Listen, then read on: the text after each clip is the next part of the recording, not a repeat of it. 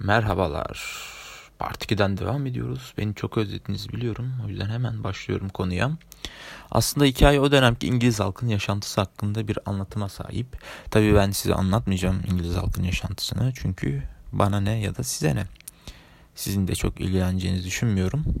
Tabii kısa, kitabı kısaca özetlersek çok önemli çünkü olay bütünün açısından. Pip'in karakter gelişimi falan filan. Pip anne ve babasını kaybetmiş, ablası ve eniştesiyle yaşıyor. Fakir bir hayat sürüyor bu üçü.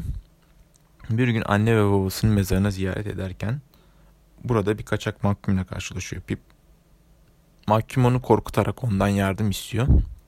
Pip de korktuğu için yardım ediyor. Sonra Pip hayatına devam ediyor. Ee, eniştesi bu arada demirci Pip'in e, mahkum prangalar için ondan yardım istiyor.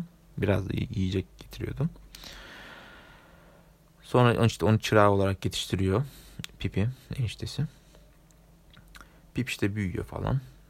Sonra çocukluk döneminde kasabanın zengin hanımı olan Bayan Havişmam onu eğlendirmesi için bir çocuk istiyor işte. Sonra bir tanıdık vasıtasıyla Pip'i buluyorlar. Pip oraya Bay, e, Bayan Havişmam'ı eğlendirmek için gidiyor. Orada Estella'yı görüyor. Estella da e, Havişmam'ın üvey kızı. İşte O çocuk aklıyla onu sevmeye başlıyor. Sonralar işte bir süre devam ediyor bu süre. Ama Estella da aynı üvey annesi gibi soğuk ve acımasız biri. Pip'e çok iyi davranmıyor. Yani ne dersiniz kadınlar biraz acımasız olabiliyor değil mi? Pip büyüyor gençlik çağında. İşte bir e, pub diyelim bir yerde eğlenirken bir avukat geliyor. Diyor ki kendisine miras kaldığını ama tek şartın üniversite okuması olduğunu söylüyor. Pip seviniyor tabii. Bunun Bayan Harishman tarafından geldiğini sanıyor. Çünkü ileride Estelle için bir eş olarak yetiştirileceğini sanıyor. Tabii sonra Londra'ya gidiyor. Pip işte üniversite okuyor falan filan. Orada çok olaylar yaşıyor tabii. Ama çok da anlatılacak gibi değil yani. Bu benim anlatımla şey değil yani. Neyse e, bu arada Estella da sevmediği ama zengin birisiyle evleniyor. Pip darmadağın efkarlı oluyor herkes gibi. Sonra tak miras çıkıyor Pip'in. Kim dersiniz? Tahmin edin biraz duracağım. Evet tahmin edemediniz değil mi? O çocukken yardım ettiği mahkum. Ya harika değil mi?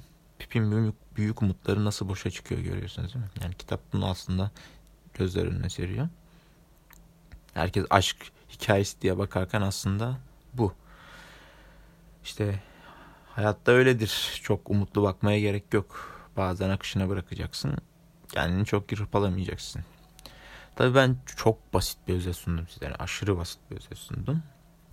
Daha neler var neler çok şaşıracaksınız. Açıp okuyun bence. Bu bölümde üçlemenin ilk iki kitabından anlattığım derinliklerden bahsetmeyeceğim. Çünkü derin bir anlam barındırmıyor.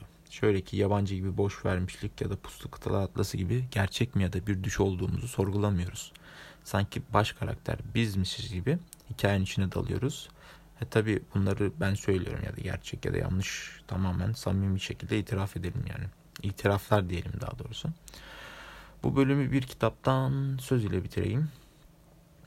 Kısaca doğru olduğunu bildiğim bir şeyi yapmaya cesaret bulamıyordum. Nasıl ki daha önce yanlış olduğunu bildiğim şeylerden kaçınarak cesareti göstermişim gibi. Evet sayın dinleyenler. Biraz havada kaldı gibi oldu ama olsun yapacak bir şey yok. Yapacak bir şey yok çünkü bazen istediklerimizi alamayız. O yüzden susmak yeterlidir. Maillerinizi bekliyorum. Lütfen ulaştırın. İsyan edin diyemem tabii ki. Yani ne demek mail istiyorsun benden diye. Tercih sizin tabii. Teşekkür ederim dinlediğiniz için. Dinleyenler, dinlemeyenler hiçbir zaman dinlemeyecekler. İyi günler.